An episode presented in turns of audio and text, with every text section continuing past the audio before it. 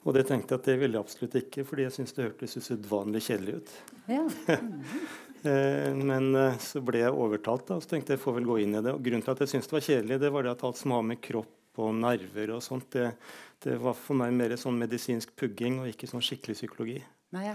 Så, så derfor ville jeg ikke det. Men så sa jeg ja, og så begynte jeg der. Og så fant jeg at det var litt interessant likevel. Eh, og har blitt der eh, i litt over 25 år. Ja. Og er vel den eh, psykologen i Norge som har jobbet mest med det nå, i hvert fall. Tror du av, de som også har vært med og gjort det interessant? Eh, hvorfor eh, Man kan si at det er, det er liksom en del ting som er liksom typisk psykologarbeidsplasser. Eh, og så er det noen eh, liksom områder innenfor eh, Eller fenomen i samfunnet som er blitt liksom psykologområder som før hørte til andre. For eksempel så jobbet, altså det å jobbe med vold var noe som politiet og jussen drev med. Det å jobbe med smerte tenker jeg, det var noe som medisinerne drev med. Men så ble det altså et fag for psykologer. Når, kom, eller når og hvordan og hvorfor kom psykologene inn i eller psykologien inn i smertebehandling? må vi nesten si. Det der var et forferdelig vanskelig spørsmål. Ja. For, Det var litt langt. ja, for det, det er så mange, mange svar på det. Så det ene kan jeg trekke historien fra 40-tallet oppover i fjor. Nei, i fjor, i forrige århundre. Ja. Eh, men eh, litt nyere så, så var det en sånn veldig optimisme når det gjaldt behandling av smerte på 70-80-tallet. Hvor man tenkte at nå vet vi så mye om smerte, og nå har vi funnet ut disse opioidreseptorene og masse sånne ting som gjør at vi kan målrette behandling i forhold til de enkelte smertetyper, og så får vi vekk smertene. Vi kan kutte litt i nerver og bedøve litt nerver, og sånn, og så får vi gjort noe med det. Slutt på smerter. Slutt på smerter. Ja. Og eh, Hvis jeg ikke tar helt feil, så var det da Verdens helseorganisasjon også hadde et sånt helsebegrep som sa at eh, for å ha det godt, så må man være uten smerter. Smertefri. Eh, Så da var idealet smertefri, og man kunne gjøre det med medisin. Men så fant man ut at disse medisinene de virket ikke så godt. Og disse behandlingene de var ikke så effektive. Og det var veldig mange som eh, ikke ble kvitt plagene sine. og Noen fikk til og med mer plager. Og så måtte man begynne å lete etter er det andre ting som virker. Og i mellomtiden da så har det vært en del kloke fagfolk som har skjønt at uh, smerter det er komplisert, og som har søkt eh, andre faggrupper, bl.a. psykologer, for å forstå mer og se hvordan kan vi få til dette uten bare medisiner. Eh, men i, i dag så er det en selvfølge. Det er nesten en selvfølge innenfor mitt felt at eh, smerte har også med psykologi å gjøre, og psykologien har en vesentlig plass. Ja. sånn, er det andre faggrupper som også jobber med smerte hos eh, der hvor du jobber? Ja, Uh, Fagfelt? Vi, vi, vi jobber jo på forskjellige områder. Altså, vi jobber både med langvarige smerter og akutte smerter og smerter hos alvorlig syke og døende. eh, og det er litt forskjellig fagsammensetning på de tre områdene. Det kan vi kanskje komme litt tilbake til etterpå. eh, men når det gjelder langvarige smerter, så er det et område som i hvert fall i Norge veldig mye er delt mellom leger, fysioterapeuter og psykologer. Og så er det mange andre som også hører med, men, men det er liksom de tre kjerneprofesjonene i forbindelse med smerte. Jeg tror det er tid for å høre hva er smerte, egentlig. Hva er smerte? Er det ikke noe som gjør vondt? Smerte er noe som gjør vondt. Ja. Det, det er kortversjonen av det. Ja. Det, det er helt riktig. Det er helt riktig. Og så er det lange, kompliserte definisjoner av det også. Eh, Men det som er interessant, det er at eh, den definisjonen som alle enes om, det er en definisjon som sier noe om at eh, smerte har både følelsesmessige og sensoriske komponenter. Altså det er både ting vi føler og opplever, og, og det er ting vi kjenner. Eh, og eh, Smertedefinisjonen sier også noe om at eh, det er noe som handler om en faktisk vevskade, altså det at du er i ferd med å skade deg, Ja. eller noe som oppleves som sånn. Ja. Så, så det er en veldig vid definisjon man har av smerte. Det er ikke sånn at smerte er det samme som skade. Én type skade kan gi mye smerte hos en person og veldig lite hos en annen. Alt ettersom hvordan man oppfatter det hele. Men når du jobber med det, eller, og, og dine kolleger, hvordan tenker dere om smerte? Hvordan vi tenker om smerte. Altså i form til hva det er, og hva det Ja. gjør med folk. Ja. Eh, For, for meg så er smerte en oppfatting av noe som skjer i kroppen din. Det er alltid knytta til kroppen din. Eh, Noen sier at, eh, at vi kan ha noe som heter psykogensmerte. Det er et begrep jeg ikke har noe tro på i det hele tatt. fordi det sier at du er skapt av syke. Det er alltid utgangspunkt i kroppen. Eh, den modellen man tar utgangspunkt i, det er det vi kaller for å komme med et vanskelig begrep, det er det vi kaller nosisepsjon. Nosisepsjon. Okay. Og det er når en smertenerve eh, aktiveres ved at det skjer noe. Altså Hvis jeg hopper på tærne dine, så gjør det veldig vondt. Mm -hmm. eh, og Da kommer det signaler som går ganske sakte opp gjennom kroppen og til hjernen, og så oppfattes det som smerte. Mm -hmm. Det er nosesepsjon. Men de smertesignalene der de blir jo påvirket på veldig mange nivåer. Og de blir bl.a. påvirket av om du er redd, så hvis du ser at dette er farlig, så blir det mye mer smerte. Mens hvis du er superforelsket, og du sitter på en date og du hygger og koser deg, og så detter det noe tungt ned på tærne dine, så tenker du at det der kan jeg ikke bry meg om, og så kjenner du deg ikke så mye. Sånn at det er, det er veldig påvirkbart. Veldig, veldig påvirkbart. Akkurat. Så da er det, ja. Så det, det var nosisepsjon. Ja. Jeg, jeg, kan godt ta videre ja, definisjon. Ja, for det, det, er liksom modellen, og det er det alle tenker at ja, det er smerte. Men eh, så har vi også smerte hvor eh, la, la, oss si at eh, La oss si at du er uheldig, og du har vært ute og reist og fått en betennelse i foten, og så må du amputere beinet. Mm -hmm. og så amputeres beinet, og så har du smerte i det beinet du ikke har. Ja. Det er jo litt spesielt. Fantomsmerter? Fantomsmerter. Og fantomsmerte, da er det jo ikke nosisepsjon. Da er det nervesystemet som lurer deg. Eh, og det har vi også, Den type smerte som vi kaller nevropatisk smerte, det er når det er enten en sykdom i eller en ødeleggelse av nerver. på en eller annen måte.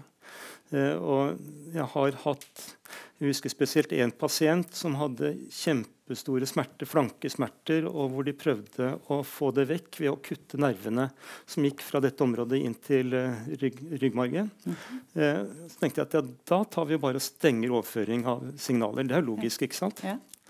Men det som skjedde, var at uh, han fikk smerter som var tilsvarende det han hadde før. Bare at nå var det der hele tiden, pluss de var litt mer, og så falt det ut noen muskler. og noe sånt. Så han ble voldsomt plaget av det. Og det er nevropatiske smerter det er noe ødeleggelse av eller sykdom i selve nervene som overfører nerveimpulser. Sånn på en måte fyre mer, eller? Ja, det er litt uklart hva som skjer. og Det kan skje både perifert, altså at du kutter uh, perifert og det skjer noe derifra. Ja, men det kan også se, skje sentralt. Okay. Fantomsmerte det skjer ikke i foten. Det skjer ikke den foten du ikke har. Nei. Det skjer oppi hjernen. Ja. Så det er det vi kaller sentrale nevropatiske smerter. Okay. Eh, og, og, så har vi så vil andre si at vi, vi må ha flere. Hva med alle disse smertene vi ikke kan forklare? Mm. Eh, og de har hatt veldig mange rare navn opp gjennom tiden. Noen har kalt dem funksjonell smerte, men i norsk helsevesen og de som har vært innom helsevesenet, vet at hvis du får funksjonell på deg, så mistenker de at da, da er det noe oppi her. Eh, og det begrepet har vi klart å kjempe vekk. er det altså en type smerte som man ikke kan forklare årsaken til? Er det ja. det det menes? Ja. og det er mange smertetyper hvor man egentlig ikke kan forklare. Eh, en stor gruppe er f.eks. fibromyalgi. Som det er mange teorier om hvorfor det er, men, men man kan ikke helt forklare hva det er. Tenker du da for det har vi ikke funnet ut ennå? Ja, det tenker jeg, for vi har ikke funnet ut ennå. Mm. For jeg tenker at Det er ikke innbilt smerte, men det er smerte i kroppen hvor man ikke har klart å finne årsaken. Eh, og nå, For et års tid siden ble man enige om et, eh, et begrep på det også. og Da kalte man det for nosiplastisk smerte. Eh, og Det er smerte som man ikke har klar forklaring på i dag, men som man regner med har et helt forståelig opphav, og som så kjennes ut som smerte. Okay. Og så eh, behandler man disse ulike typer smertene ulikt, eller? Ja, det spørs om du er psykolog eller lege. det. Jeg vil jo si at jeg behandler dem ganske likt. Eh, sånn på tvers av hvilken type det er. Eh, men det er ulike typer medikamentelle løsninger man prøver for de forskjellige typer smertene. Eh, men nå må jeg si at eh, den optimismen man hadde når det gjaldt medikamentell behandling for 30 år siden, den er betydelig redusert. Altså, vi har medikamenter man kan prøve ved de fleste smertetilstander. i hvert fall de som varer over tid. så, så har man forskjellige medikamenter, Men ved langvarige smerter så er det veldig sjeldent at man kommer godt i havn med medikamenter. Så da er det helt andre ting som gjøres. Ved akutte smerter derimot, da, da, skal man dempe smertene godt medikamentelt med en gang. Ja, ok. Men altså når, når ikke de medikamentene vi har hadde, som kom på markedet, ikke virker så godt, er det fordi man altså fordi, har, fordi det fins flere typer smerter, eller flere typer ting som forårsaker smerten? Eller, eller for mange flere ting som påvirker smerten? Eller er det for dårlig? Jeg, jeg tror man ikke har forstått mekanismene godt nok. Nei. Vi forstår mekanismene når det gjelder hva som skjer kanskje over noen få måneder, men ikke over lang tid. At veldig Mange av de studiene som er gjort på medikamentell behandling, der sier man at langtidsoppfølging det er seks måneder. og Det er jo ingenting med folk som går med smerter år etter år etter år. Så jeg, jeg tror det er noe av grunnen. Og så har man sett seg litt blind på å finne de der gode medikamentelle løsningene istedenfor å se på andre muligheter. I USA har jo det gått helt over skaft, hvor man nå snakker om en det man snakker om en opioidepidemi, eh, som vil si at eh, det er brukt altfor mye sterke smertestillende som ligner på morfin. Og I USA er det jo sånn at hver halvtime så dør det én av overdose for eh, morfinlignende preparater som er skrevet ut på resept. Hver halvtime dyr, dør det én person i USA pga. dette. Så det er for mye av det. Det er for mye av det. Ja. Eh, og der skrur det helt igjen nå. Altså der, der, går det helt den andre veien, hvor man eh, sier at nå må vi stoppe med morfinbehandling og så må vi finne andre typer løsninger. Ja, Fordi det ikke er svaret på så mye som man hadde trodd. Ja. Ja. Eh, andre løsninger, er det der psykologene kommer inn? Ja. ja. Det er det. Og du skal vite hvilke, du nå. Hva kan vi gjøre da? Nei, men altså, hvis du kunne si for det, Vi vil gjerne høre om hva, hva, vi alle kan gjøre. Eller er det noe vi kan gjøre hvis vi har uh, smerter som selvfølgelig ikke vi må finne eh, årsaken til å behandles for årsaken. Men, uh, eller hvis det er mulig. Men hva er det du gjør når du, eller dere gjør når dere behandler smerte? Og Så kan vi kanskje komme tilbake etterpå hva, hvordan livet ser ut for oss alle. Ja. Du, du, får ikke noe enkelt svar. Nei, det hadde jeg ikke. jeg, jeg, jeg, tror jeg skal begynne et eller annet sted med det virkelig kompliserte. og det er, eh, fordi eh, De jeg jobber mest med, det er de som har hatt smerte lenge. Mm -hmm. Og som har vært plaget lenge. For det er de som kommer til smerteklinikken? Det er de vi jobber mest med på poliklinikken. i hvert fall. Mm. Og når du har hatt smerte lenge, så har du hatt noe som hemmer deg, og som er vondt, og som, som, gjør at du ikke får den vanlige livsutfoldelsen, og som gjør at veldig mye annet baller på seg. kan du si. Eh, og eh, Hvis du da får redusert søvn pga. smerteplage, sånn at du blir litt sliten og kanskje litt sur også, sant? og så gjør du noe med samhandlingen, og så mister du en del fritidsaktiviteter som var tidligere fordi det orker du ikke, og så klarer du ikke helt å være sammen med folk, for de har ikke noe særlig å bidra med, for jeg er sur hele tiden, eller de begynner alltid å snakke om smerte, eller de gjør ting som ikke jeg orker, og så, så blir det veldig mye sånn som går inn i hverandre. Og da, da blir jo min jobb å, å nøste litt i dette her. Fordi Ofte er det ikke sånn at jeg kan komme med et tiltak for å ta vekk smerten.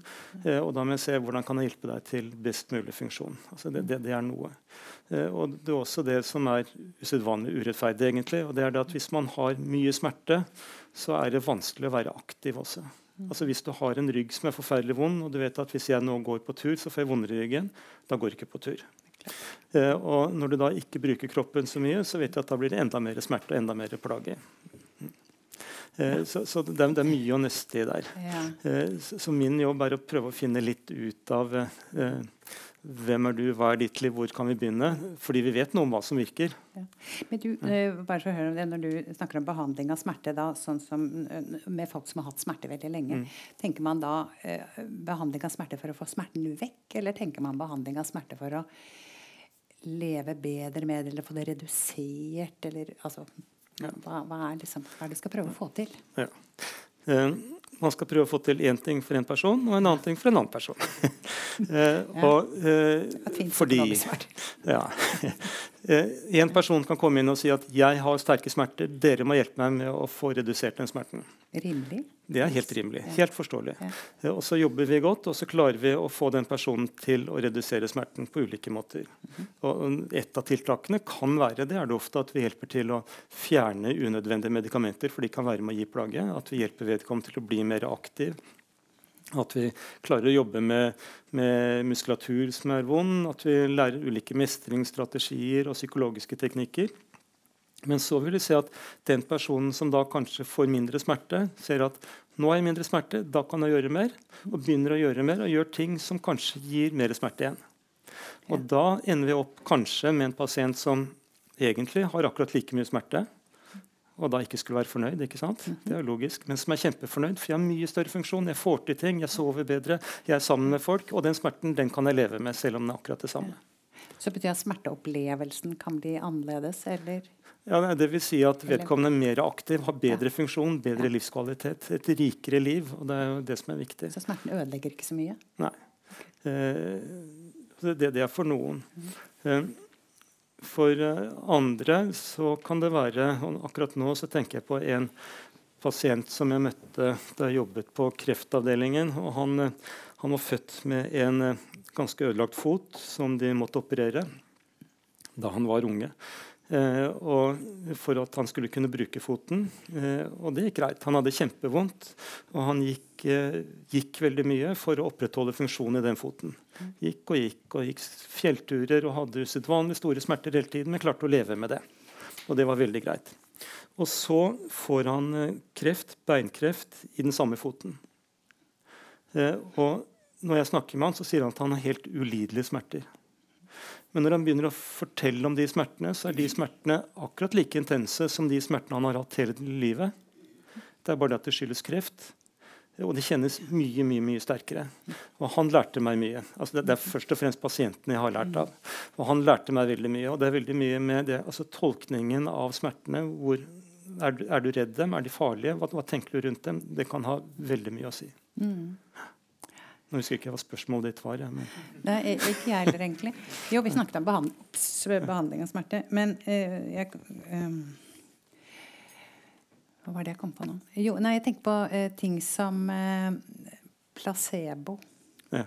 Altså når man får, Du snakket om medisiner i sted. så kom jeg på, altså Man får medisiner, man, og så hører man om forsøk med placebo som også virker.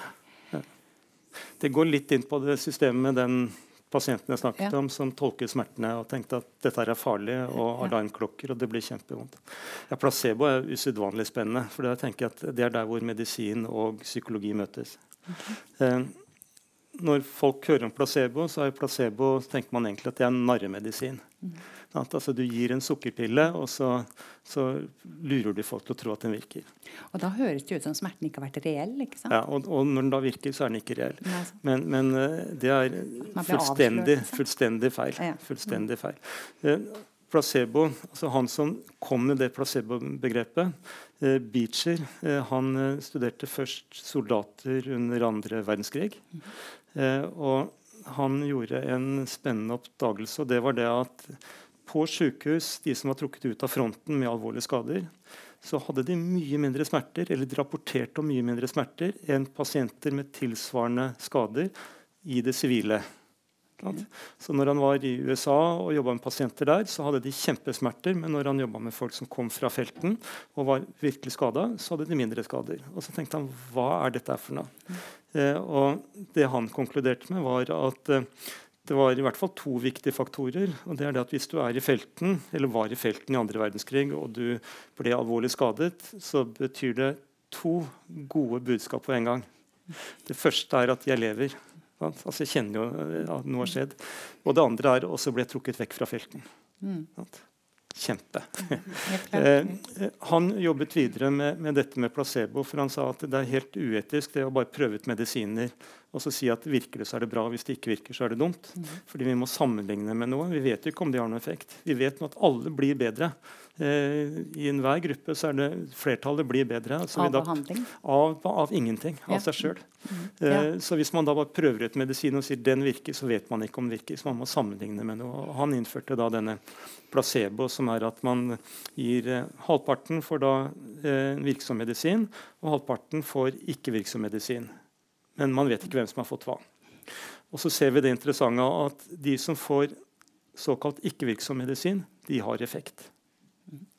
Altså De får mindre smerte. Og Da sier mange at ja, det er narremedisin, så da er det egentlig ikke ordentlig smerte. Men det er ikke det som skjer, fordi dette er studert veldig nøye. og det, det, er mange teorier på hva som skjer. Men det man faktisk har funnet ut, er at når du får en narremedisin mot smerte, så skiller kroppen ut endorfiner. og endokannabinoider og sikkert veldig mange andre stoffer som faktisk er smertelindrende. Det vil si at Hvis du får en medisin som ikke virker, så begynner kroppen å produsere sin egen smertestillende som gjør at det virker. Så Det er liksom én av de effektene. Eh, og så har man gått så utrolig langt på dette og, og fortsatt på det, sånn at det blir kjempeinteressant når man da også finner ut at eh, hvis du har vondt og så kommer jeg med en pille og så sier jeg, dette er placebo, det har ikke noe effekt. Spis den. Så virker det da også. Det er fantastisk. Er det fordi det er du som gir det til meg?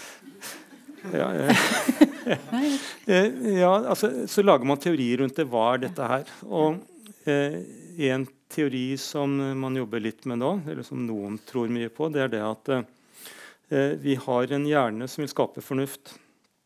Ja. Hjernen vår vil skape fornuft. Og sånn holder vi på hele tiden. Altså, vi skaper mønstre, og vi ser at uh, vi, vi, lager system i ting. Vi kan ikke gå og gjennomanalysere alt sammen. Så når det da kommer en pille som du tar og putter inn i munnen, så, så har du en hjerne som da er vant til at medisiner, det virker. Så da forteller den at dette virker. Og det kan godt hende at det også er en effekt av det hele. Og det vil altså si at uh, hvis du tror at det går bra, så er det større sjanse for at det faktisk går bra. Eh, og Det, er, det syns jeg er helt fantastisk, fordi vi skal ikke begynne å gi folk narremedisin. Det er helt uetisk, og det nytter ikke. Men bare tenk det at hvis du tror at det går bra, at du får noe som virker, så gjør du noe med kroppen som gjør at den skiller ut biokjemiske stoffer som gjør at du faktisk får det bedre. Og det må vi kunne bruke på ulike måter. Kroppen er jo kjempesmart. Kroppen er kjempesmart. kjempesmart ja. Ja. Men uh, har dette betydning også for uh, altså Er det andre enn medisiner som har påvirkning på? Jeg tenkte på det om det var du som hadde gitt meg pillen, eller om Hvis, uh, hvis jeg altså, får større tro på at jeg skal klare dette, eller få det til, eller ja. Og det er akkurat der jeg som psykolog må plukke opp dette. For da tenker jeg at hva er det ved placebo som virker? Og, og det ene er jo positive forventninger. Altså Når du tror at det går bra, så er det mye større sjanser for at det går bra. Og det har vi mye forskning på også. Eh, og hva blir min jobb som psykolog da? Jo, det blir å hjelpe deg å finne hva kan du gjøre for bedre å takle disse smertene. På en sånn måte at du er sikker på ja, jeg tror jeg får det til. Men får det til må du si litt mer om hva er. For man har jo en del sykdommer som faktisk ikke går så bra. Ja. Uh, og man kan ha smerter av de også, som ja. man helst skulle leve bedre med. Ja. Å få det til betyr ikke å si til en kreftpasient at uh, dette går nok bra, du blir nok frisk. Uh, det blir helt andre mål. Altså, du er hemmet, du har mye kvalme pga. behandling, du har smerter pga. dette, men hvordan kan vi sette mer kortsiktige mål? Altså, mm. Bevege litt etter litt. Hva er det vi kan se på som du faktisk kan få til? Hvordan kan jeg geleide deg der? Ja, så Du må på en måte lage spesifikke mål for hver enkelt person som ja. du møter. Ja. Det. Så det nytter ikke, som mange tror, at hvis man bare tenker positivt, så går det bra. Eh, det, er, eh, det tror jeg er ødelagt for mange. Ja. Eh, det at vi har sånne tenk positivt-predikanter som eh, gir inntrykk av at du må være litt mer positiv. Ja. Fordi da blir du frisk. Ja, for det, man kan jo være at man skal være flink pasient, liksom. Det er jo tøffe krav hvis man har hatt smerter i evigheter? Eh, jeg har, eh, Når du sier det, så, så liksom ser jeg for meg en rekke av pasienter som jeg har som kanskje vil være flinke. Mm. Altså de, jeg tror at de hele tiden så har de tenkt at de må være greie å tilfredsstille andre. Mm. Rundt seg, Være greie med barn og ektefelle og foreldre. og Stille opp. Og, og, så skal det være greie med meg også, late som det går bra. Mm. Være flink. Eh, og det er en utfordring. Det er en kjempestor utfordring. fordi de vil ofte oppleve at jeg, jeg får det ikke helt til, men jeg må jo oppføre meg sånn.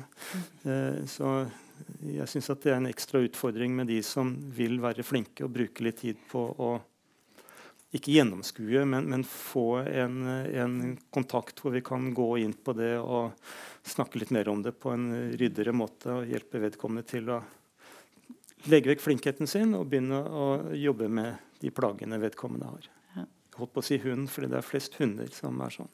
Hva, hva gjør hannene, da? Ja. Det er noen hanner også ja. som er sånn. Jeg må si det at altså, Man tenker at fibromyalgi det er bare kvinner som har, men det er noen menn som har det. Ja. Ja. Man tenker at det er bare kvinner som liksom har den, eh, det problemet med at de skal være flink pike, men, men, det er ganske mange flinke menn også etter hvert. Men du, Er det kjønnsforskjeller i opplevelse av smerte? Håndtering av livet med smerte? ha smerte i det hele tatt? Uh, ja. Jeg, jeg, jeg, kan ikke så mye om det. Uh, men jeg vet jo at det er typiske kvinneplager og typiske manneplager. Mm. Altså, uh, fibromyalgi, som jeg nevnte. Vi snakker mye om muskulære plager hos kvinner. Men jeg har nå endelig hatt en del menn som også har hatt smerter i bekkenmuskulaturen. som man tenker Det er kvinner som har. Men som har hatt typisk kvinneplager knytta til bekkenmuskulaturen, f.eks. Ja. Ja. Men det er altså flest kvinner. Eller som søker hjelp, iallfall. Mm. Men du sa eh, eh, noen av de tingene som, som er din jobb, er å, å prøve å, å se hele li, helheten i livet til de som kommer til deg. Eh, er det noen andre sånn, si, spesifikke metoder eller ting eh, ja. Man har jo tenkt på sånne ting som hypnose, f.eks. Ja. Eh, er det noe som man kan bruke, ikke man kan bruke. Altså Er det noe som hører til ditt felt? Hypnose er kjempespennende. Ja. Uh, og hypnose er ikke en metode som man bare kan gå og kjøpe seg hos en psykolog, og så blir man bra. Men mm. hypnose kan virke veldig godt i forhold til mange med smerter. Og som jeg sier, veldig mye mer. Uh, først, altså, Hva er hypnose? Og jeg vet at Folk her tenker at hypnose det er hvis jeg tar og manipulerer dem inn i en type uh, tilstand hvor jeg har fullstendig kontroll og makt over dem. Men hypnose er ikke det. Det er det vi ser på fjernsynet, men, men i virkeligheten så er hypnose en situasjon hvor jeg hjelper pasienten til å bli godt avspent, veldig fokusert og får god kontroll. -hmm. Du kan ikke få folk til å gjøre noe mot sin vilje. De vi ser på TV som gjør veldig mye rart tilsynelatende mot sin vilje, de vet akkurat hva de er med på. Og Hvis de da går og danser med et kosteskaft og tror at det er verdens vakreste kvinne, så er det fordi de er, liksom, de er med på det. Mm, mm. Eh, og sånn Sånn er, sånn, er, sånn er, det ikke på mitt kontor, i hvert fall. Eh, og Da blir hypnose en måte å få folk til å bli veldig godt avspent. Og det i seg sjøl er smertelindrende, det vet vi. Eh, men så er det også en måte hvor det går an å dytte vekk litt sånne sannheter som folk har. Altså, litt det at eh, ja, men smertene mine er jo så viktige, eller det er jo fordi jeg er så anspent, eller, eller skyldes bare altså, de, de, kan ha mange forklaringer eh, på det som kanskje ikke stemmer helt. Og når jeg hypnotiserer dem, så er de ofte litt avspent og har det godt og rolig og er villig til å prøve ut forskjellige typer tanker. Et eksempel er når jeg hypnotiserer pasienter som har fantomsmerter. Eh, så, som har veldig vondt i den foten de ikke har. De beskriver at eh, jeg har en altfor trang sko, akkurat som en stålsko, og tærne mine de bare skyter gjennom. og Det er kaldt, og det er, det er eh, bitende, og det er vondt hele, hele tiden. Eh, og den personen vil jeg kanskje prøve da å hypnotisere. Og så sier jeg så kan vi gå ut, gå på en tur. Vi gjør ikke det, men vedkommende forestiller seg det. Og så kan vi bevege på foten og holde på med litt fotgymnastikk f.eks. Og kanskje kile litt under foten. og sånn. Så jobber jeg med naturlige funksjoner. Mm -hmm. Og for omtrent halvparten av de med fantomsmerte så opplever jeg at det har en god effekt. Eh, og Det høres jo veldig rart ut. sant? Altså Hvis jeg hadde sagt at du har jo ikke en fot, men du kan jo gå på tur med meg, sant? så kan vi late som, så hadde du tenkt ja. at den psykologen er klin kokos. Kan være med ja. på det, liksom. Ja. ja. Eh, men når du jobber med hypnose, så, så, så, går folk med på det, og det har ofte en god effekt. Fordi Hva, hva tenker Fordi, ja. Jeg har forklaring på det også. Ja, ja, det vil jeg Om den er riktig, det vet jeg ikke, men eh, La oss fortsette med foten, da. Eh, hvis du mister en fot den foten den har en plass i hjernen. Ja. Det vet vi. Altså Nervene derfra går opp, og vi kan lese av i kortet at det er visse steder der hvor det er aktivitet når du rører på høyre fot. Ja, For det har vært brukt til å styre den foten tidligere? Det har vært brukt til å styre den foten. Men nå står det området der uten impulser. Ja. Så da blir det litt rot der. Ja. Eh, og da tenker man at da er det kanskje sånn at området rundt det påvirker akkurat den delen der, sånn at det blir veldig forvirrende. Og blir, man kjenner ting som ikke er der. Og når jeg da jobber med hypnose, så bruker man akkurat den flekken. Ja. Og aktiverer den. Mm -hmm. Og så er tanken at da får man ting litt på plass igjen. Okay. Og det er ikke bare tanke, men man har kjørt studier hvor man har sett når man tar uh, bilde av hjernen mens man holder på med hypnose, så ser man at man faktisk får aktivitet i den flekken. Okay. Som tilsvarer hvordan det er når du faktisk rører på den foten du har. Da skjer det på motsatt side. Så man vet at det, det er noe der. Det er vel en del, uh, en del ting man nok man undersøker mer om fordi man faktisk kan få, kan få, tak i aktivitet i hjernen og se det på, på, bilder. Jeg har hørt, som ikke er hypnose, men en mye enklere teknikk, da, altså å holde noen i hånden. Altså noen som, som har blitt påført smerte Eh, ved å ligge i en sånn skanner, og så har de fått smerte uten å ligge der alene. Og så har de fått smerte når de har holdt en lege eller en eller annen assistent i hånden. En fremmed, altså. Mm. Og så har de fått uh, smerteimpuls eller påført noe når de har holdt uh, en partner i mm. hånden. Mm. Ja. Og så er smerteopplevelsen veldig ulik ja. i de forskjellige. Ja. Hva, hvordan ville du forklare det, hvis, hvis, dette er noen studier som du kunne tenke deg? Har, jeg har ikke umiddelbart noen ett studie der, men, eh, men uh, jeg tenker at det må være veldig mye forskjellig. Eh, jeg tror at eh, noen har mer smerte med partneren sin, og noen har mindre smerte med partneren sin. Det kommer an på forhold, og, og det, det, det. Ikke, ikke, ikke, sånn som folk flest tenker nå, tror jeg, men, men det, det, kommer an på om du har det vi kaller en bekymringsfull ektefelle, ja. eller det vi kaller en forsterkende ektefelle. Ja. En bekymringsfull ektefelle det er vedkommende som sier 'Å, nå ser jeg at du har det vondt'. Stakkars deg. Sett deg ned, så skal jeg hente en kopp te til deg, og så skal jeg overta husarbeidet, og så kan du bare glemme å gjøre alt de der du gruer deg til, for det skal jeg ivareta for deg. Sånn, og så gir veldig mye oppmerksomhet på smerte og belønner det. Sånn, dette er ren læringspsykologi. Mens eh, den andre ektefellen har da eller En annen person har da en ektefelle som, eh, som, sier at eh, 'jeg ser du har det veldig vondt'. Nå syns jeg at du skal ta den turen som fysioterapeuten sa er viktig for deg. Og når du kommer tilbake fra den turen, så skal du komme hjem, og så skal jeg gi deg en kopp te, og så skal jeg ta alle oppgavene, og så skal jeg legge til rette sånn at du kan slappe godt av. Sånn? Det er en ektefelle som belønner det vi ønsker at du skal gjøre. Aktiv mestring. Eh, samtidig vi, som de anerkjenner smerten. Samtidig som de anerkjenner smerten. Riktig. Ja, det er, og det er viktig. Ja. Og da vet vi at eh, de som har den bekymringsfulle ektefellen, mm -hmm. de, hvis de da har hånden i iskaldt vann, som er kjempevondt, mm -hmm. eh, med ektefelle til stede, så klarer de det kanskje bare eh, ca. 30 sekunder. Mens de som har den forsterkende ektefellen, hvis de gjør det samme, så klarer de det ca. to minutter. Og det er sånn, Ikke talt tatt ut av lufta, men det er faktisk forsøk som har vist det. Men når ektefellen ikke er der, så tåler de like mye. Og Det er jo kjempespennende, for det viser noe av at eh, hvordan de rundt deg reagerer på smerten din, har veldig stor påvirkning på hvordan du opplever smerte. Og da er det kanskje to eh, feller man kan falle i. Altså ja. den ene som du sa som skulle pjuske med, som de ville sagt i parterapi. Ja. eller uh, overse. Ja. Ja. Nå nevnte jeg jo den som var forsterkende og som ja. aksepterte smertene. som du sa. Men det er klart at hvis du, hvis du ignorerer det, uh, så kan det veldig mye skje.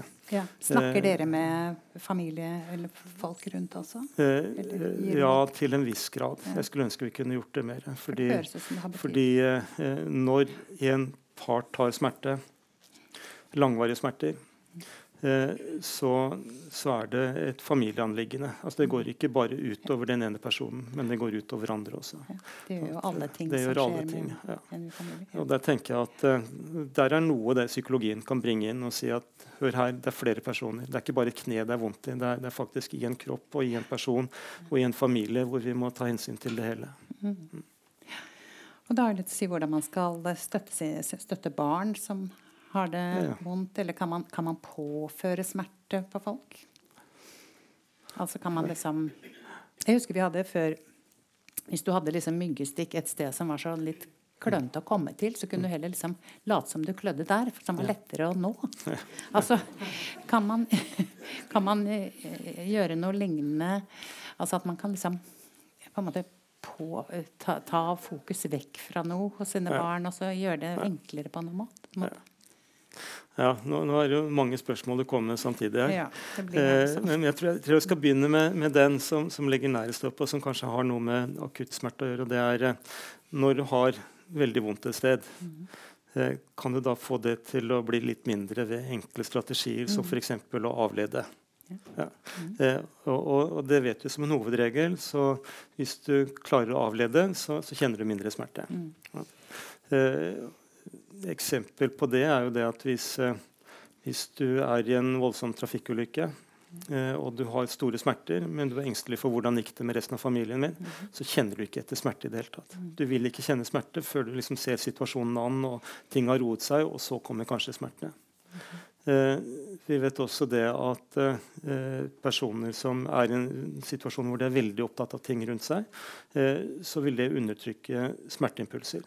Det vil ikke si at det er mindre smerte i kroppen, men, men smerteimpulsene får ikke samme prioritet som hvis de fokuserer på smertene. Fordi du er opptatt av flere? Du må For, fordele oppmerksomheten din? Ja, ja riktig. riktig.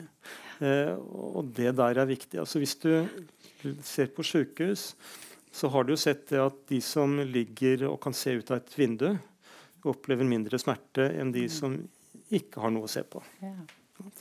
Eh, så det å ligge og kjede seg i et mørkt rom og kjenne etter smerte, det gir mer smerte. Det vet jeg. Eh, men det betyr ikke at behandlingen er Nå må du se til å bli opptatt av noe annet. Eh, behandlingen da må heller bli det å si at hva er det som gjør at du ikke klarer å være opptatt av andre ting. Eh, at du ikke klarer å prioritere andre ting å være opptatt av. Hvordan kan vi hjelpe deg i forhold til det? Det, det er ett punkt. Så, så det, det, er oppmerksomhet. Eh, så er det dette med avspenning som eh, hypnose er jo en ekstrem form for avspenning. Men avspenning kan alle få til på en eller annen måte. Eh, når man har smerte, så er det naturlig å reagere med å spenne seg. Eh, og det er greit nok at du beskytter deg når det er en akutt smerte, men over tid så vil det bare gi muskulære plager som gir enda mer smerte. Eh, og da må du lære folk til å spenne av hvor det er naturlig ikke å spenne av.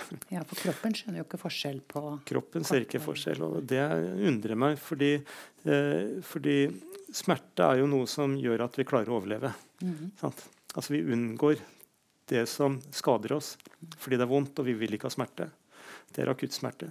Men langvarig smerte så er det akkurat som det har ikke samme funksjon. Det er, eh, sånn, det er den der irriterende røykvarsleren som piper selv om det ikke alle har hørt den, sant? Mm. Selv, om, selv, om, det ikke er røyk og det er ikke brann. Mm. Det er liksom smertesignal som går uten nytte, uten grunn, og plager deg hele tiden. Ja, kan ikke få skrudd av. Og så skulle slappe av når du hører det. Det er ikke så enkelt. Men uh, min erfaring er at jeg kan få de aller fleste til å slappe av på en eller annen måte. Uh, mange tror at de klarer det ikke, men, men jeg får de aller fleste til å klare å slappe av. ja, det er fint.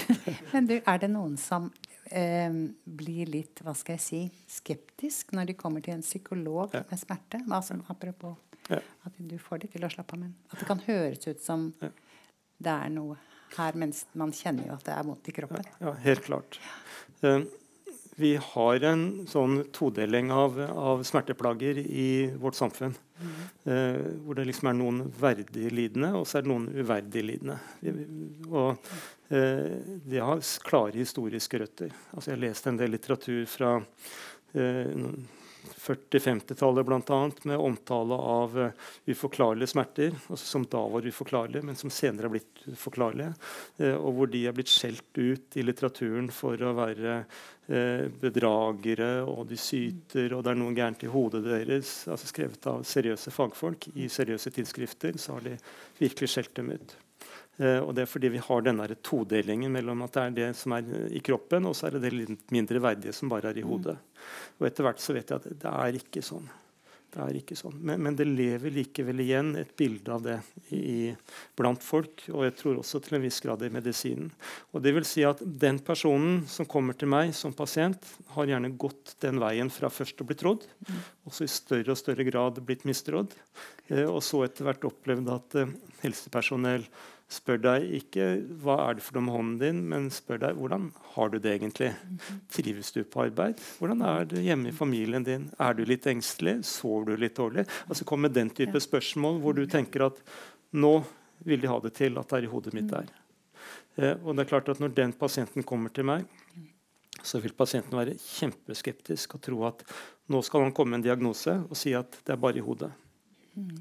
Eh, og det er nok en del som har vært ganske skuffet når de har kommet til meg også. Eh, for jeg, er ikke sånn at jeg klarer å snu alle og bli venner med alle. Eh, så, så, jeg har eksempler på noen som har vært veldig irritert på meg som snakker om også andre ting enn en, hånden din eller foten din eller hva det er.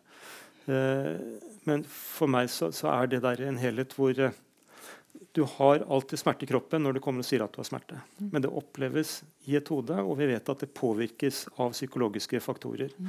Eh, og de er veldig sentrale. Så man kan ikke snakke om en enten kroppen eller hodet, men man må se på det vi i dag kaller et biopsykososialt perspektiv, som er etter hvert litt sånn selvfølgelig. Heldigvis. Det er litt fint altså, jo, Folk gir jo ikke opp på en måte å finne hva er grunnen til dette. Det er vel derfor man på en måte syns det er, kan være ja, litt, uh, litt, vanskelig å komme til en som skal uh, få en til å tå, eller leve, leve, et bedre liv med dette. Man vil jo helst ta smerten bort. Ja. Eller, ja. ja da, det er klart det. Og jeg tenker at jeg gjør vel best arbeid når jeg klarer å bli enig med pasienten om at uh, det kan godt hende at det finnes en løsning på dine smerteproblemer. Altså Jeg er ikke overbevist om det, men, men, det kan godt hende at det er der. Men mens du venter på det, må du leve et liv. Og hvordan kan vi samarbeide om, sånn at du kan best mulig leve et liv. Ja. Og enn så lenge har ikke medisinen kommet av gårde heller. Nei. Men du sa litt om medisin og uh, at uh, smertelindrende medikamenter ikke virker så godt som man kanskje hadde tro mm. på tidligere. Og så er det med avhengig av, avhengighet av smerter. Altså, man hører liksom sånn at de virker litt mindre etter hvert. Hva, hva, er liksom tanken rundt det? Altså, for det kan virke ja. akutt, sa vel du også. Ja. Sånn, ja.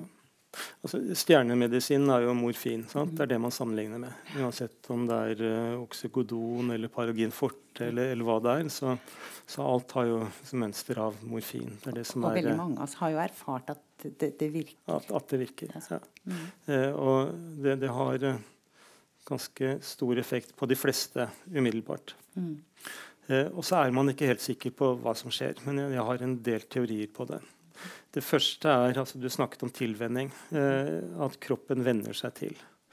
Eh, og Sånn ser vi jo på alt som kroppen får tilført utenfra. At kroppen prøver å tilpasse seg det ved å undertrykke effekten av det. Så, sånn er det liksom uansett. Så Det er nok én type tilvenning hvor det skjer noe med nervene, sånn at eh, morfinen eh, ikke har så god effekt over tid. Det er det ene. Men jeg tror også det er et annet viktig moment. og det er For veldig mange så er det ikke bare den smertestillende effekten av morfin, men det er også den mentale effekten. For morfin har en avslappende effekt. Mm -hmm. og jeg synes at veldig mange jeg snakker med og spør hvordan virker medisinene, så sier de at det får meg liksom til å slappe litt av. Og spør jeg jobber det virkelig da bare mentalt. Nei, altså det er jo fordi det blir mindre smerte i kroppen. så slapper jeg av. Men, men når vi har diskusjon om det, så syns jeg hører at den mentale effekten er vesentlig. Eh, og der får man en veldig raskere tilvenning når det gjelder den avspennende effekten. Mm.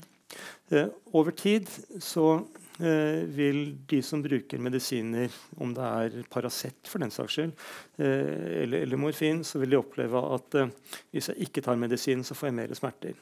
Og det er fordi kroppen er vant til å få det tilført. -hmm. Så når du da tar det vekk, så vil de oppleve ubehag. Eh, og Derfor er det mange med langvarige smerter som sier at jeg vet at det virker, fordi jeg hadde en sommer her hvor jeg ikke fikk fornyet resepten min, og så måtte jeg gå en uke uten, og det var helt forferdelig. Og sånn var det nok. Eh, men det vi vet som driver med smertebehandling, er at for de fleste av dem, eller veldig mange av dem, så må man bare sørge for å trappe veldig forsiktig og sakte ned. Eh, og da er det en ganske vanlig uh, erfaring, ikke for alle, men for mange pasienter, at uh, når man da har klart å trappe ned over et par måneder, uh, at de kan ha uendret smerte, altså samme smerte som de hadde før vi begynte å trappe ned, men føler seg mye klarere og mye mer overskudd. Men altså, nå har ikke jeg sagt at nå må alle kutte ut morfin, for det virker ikke. Fordi vi har noen hvor det faktisk virker, og hvor det er riktig medisin å bruke. Ja.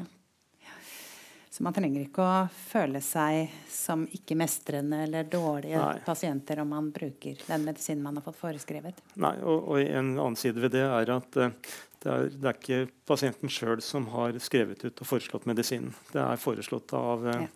av helsepersonell som har ansvar for det, og som skal følge opp. Ja. Og da kunne man snakket om eldre og overmedisinering. Ja. Eh, men det, vi har jo ikke all verdens tid, så det kan vi ikke snakke om. Mm. Men eh, når vi er inne på aldersgruppe, er det noen forskjell på smertebehandling hvis vi kutter ut medisinen, for barn? Jeg vet ikke om dere driver med det? Eh, vi, vi jobber veldig lite med barn, men uh, barn er litt sånn usikkert område når det gjelder medikamentell behandling. I hvert fall sterke smerter.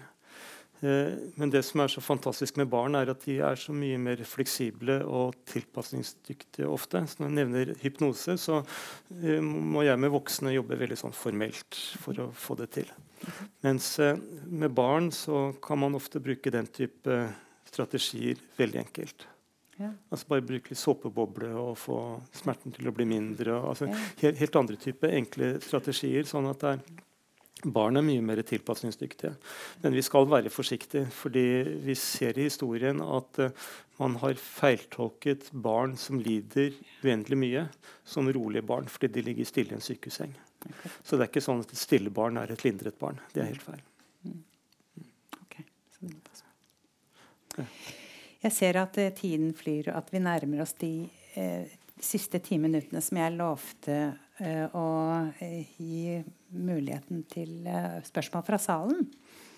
Så jeg lurte på om det var noen som hadde noe de hadde lyst til å spørre om. Innenfor dette. Kan du si, Det bør ikke være de kloke, eh, dypsindige teoretiske spørsmålene, men helt enkle, rett fram-spørsmål. Det har vel jeg vist, at det ikke trenger å være de dypsindige, kloke nødvendigvis. Ja, er det noen som har noe de ville spørre om? Ja, ja. Du, du, får en liten mikrofon, for da kan de bak deg høre også. Um, eh, jeg har drevet og lest på en sånn teoretisk bok som heter uh, 'The Body and Pain' av Elaine Skerry. Nå kommer det et litt sånn teoretisk spørsmål her. Um, men hun snakker jo om hvordan um, smerte er jo noe som ødelegger språket og, og setter det i en sånn, nesten sånn barnetilstand. For det blir redusert til, til skrik og til en, ja, nesten en sånn babyaktig. Um, så jeg lurer når de, disse, i disse her psykologtimene Hvordan klarer dere å snakke om smerten? Går dere veldig spesifikt på kroppsdeler, eller har dere en, en metode som fungerer, eller hva type språk bruker dere? Nå eh, regner jeg med at eh, det du snakker om, at det refererer mer til akutt smerte. Når man er inne i et eh, sterkt smerteanfall. Er det det, eller er det ved langvarige smerter? Jeg, jeg tenker jo relasjon, for jeg har sjøl migrene. Så det er jo på en måte en type langvarig og en type ja. akutt, siden det er anfallsbasert. Ja. jeg, jeg, tror at jeg ikke ville snakket med deg når du hadde et migreneanfall, for det tror jeg hadde vært veldig slitsomt for deg. Eh, så akkurat der så tror jeg at jeg ville prøvd å, å, eh, å, legge til rette for at vi kunne snakkes når du ikke har anfall. Selv om det er vanskelig å planlegge. Men når det gjelder å snakke med folk med, med, akutte smerter altså Vi vet jo det at når man har det vondt, så det vi ville si er at man regredierer gjerne. altså Oppfører seg som et barn når man er veldig plaget. Og Det ser vi på sykehuset med folk med akutte smerter. at Hvis de ikke er godt lindret, så går de ofte sammen i fosterstilling, og de hyler og de skriker. og Det er jo ikke situasjonen hvor man tar de lange teoretiske diskusjonene om, om vær og framtiden. Altså da, da, går det bare rett inn og trygger og roer. og vel bruker eh, vanlig sånn, kriseintervensjon med å prøve å roe deg her og nå, få fokus vekk på det å slappe av, fokus i retning av det å slappe av, trygge deg, si at vi gjør det vi kan. Altså, da, da, tror jeg jeg ville gått inn med den type mer roende, enkle utsagn.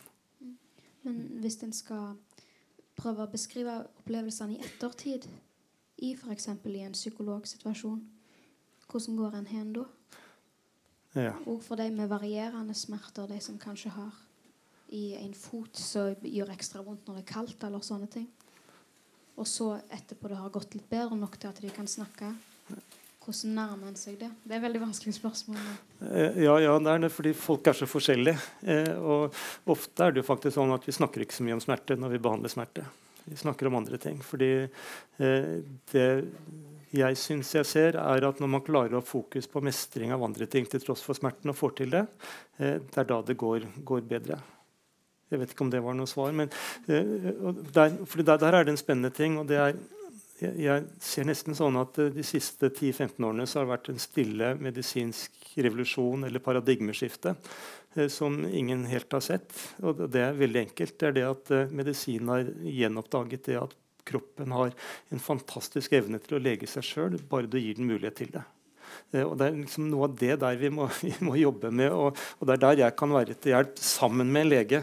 og si Hvordan kan vi da få deg til best mulig å, å, lege dette her. Nå skal jeg være veldig forsiktig, for jeg ser at jeg snakker med deg med migrene, og jeg vet jo ingenting om det. Så jeg sier ikke at nå må du ta deg sammen og gjøre det sånn og sånn. Men, men, men øh, fokus mye vekk fra smertene og mestring av ting. Prioritering av kreftene dine. Uh, og så regner jeg med at uh, i forhold til deg, hvis jeg får lov til å bruke det litt som eksempel Jeg kjenner ikke deg det hele tatt. Så, så, hadde det vært også å jobbe litt med avspenning, muskulære spenninger. For jeg regner med at uh, migrene gjør at du spenner deg en del. Eller folk flest gjør det med migrene. Og da får man ofte også andre typer plager. og tensjonshodepine kan være med på å trigge denne migrenen. Og hvordan kan vi gjøre noe med det på ulike måter? Og så, videre, og så, videre. så jeg jobbe med det i stedet. Men jeg får assosiasjoner til det hun sier med at hvordan er det vi liksom eh, snakker om altså Hva er det vi kaller smerter? Vi snakker om brennende smerter og stikkende smerter. Det er jo bare bilder, for det er jo ingenting som brenner eller stikker. Altså Vi har noen slags ord for mm. smerter som vi tilsynelatende er enig i. Men jeg vet ikke, er vi det? Ja. Altså hva slags type smerte det er. Og, ja. Eh, og, og graden av smerte høres ut som du sier, det vil jo være veldig altså varierende, selvfølgelig. Ja. Ja da, vi, vi snakker om uh, smerteintensitet og smerteplage. Ja.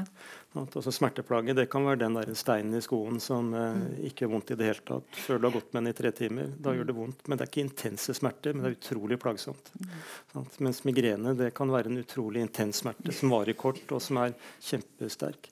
Uh, og De ulike ordene man bruker om smerte, det bruker vi ofte for å se om er det nevropatisk smerte eller er det nocyseptisk smerte. eller hva er det, fordi Vi vet noe om det, at det er ulike kvaliteter vet ved ulike smertetyper. Okay. Ja. Uh, ja. det var en der bak. Takk, takk skal du ha.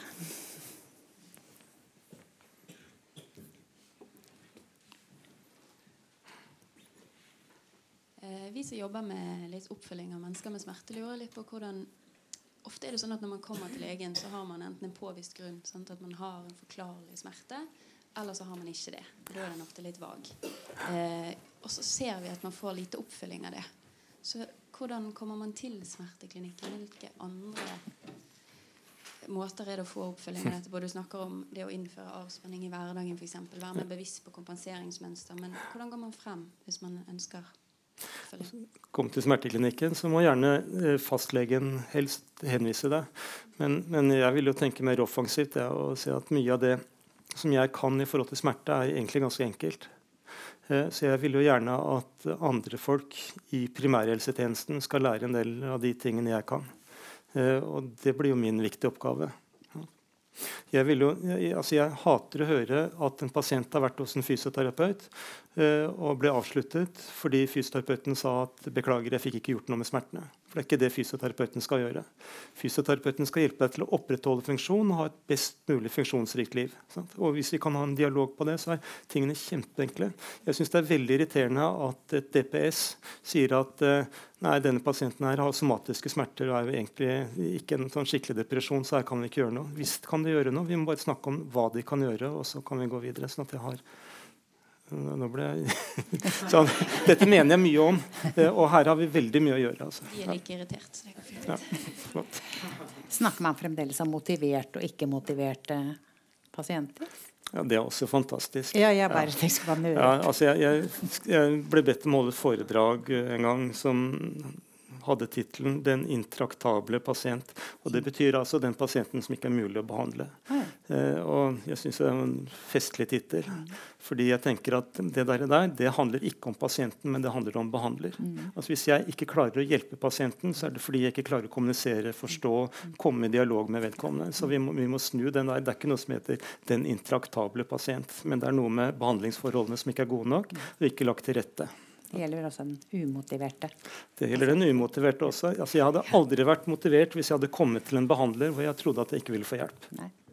Hvorfor skal jeg da utlevere meg og si at her er jeg, og jeg håper inderlig at du skal hjelpe meg, når jeg tenker at nei. Men det er du som må overbevise dine pasienter om at du kan hjelpe dem. Ja, sant? det er- det er min jobb. Nei, det er min jobb. Et aller siste spørsmål, er det det? Før det siste minuttet? Ja. det var det.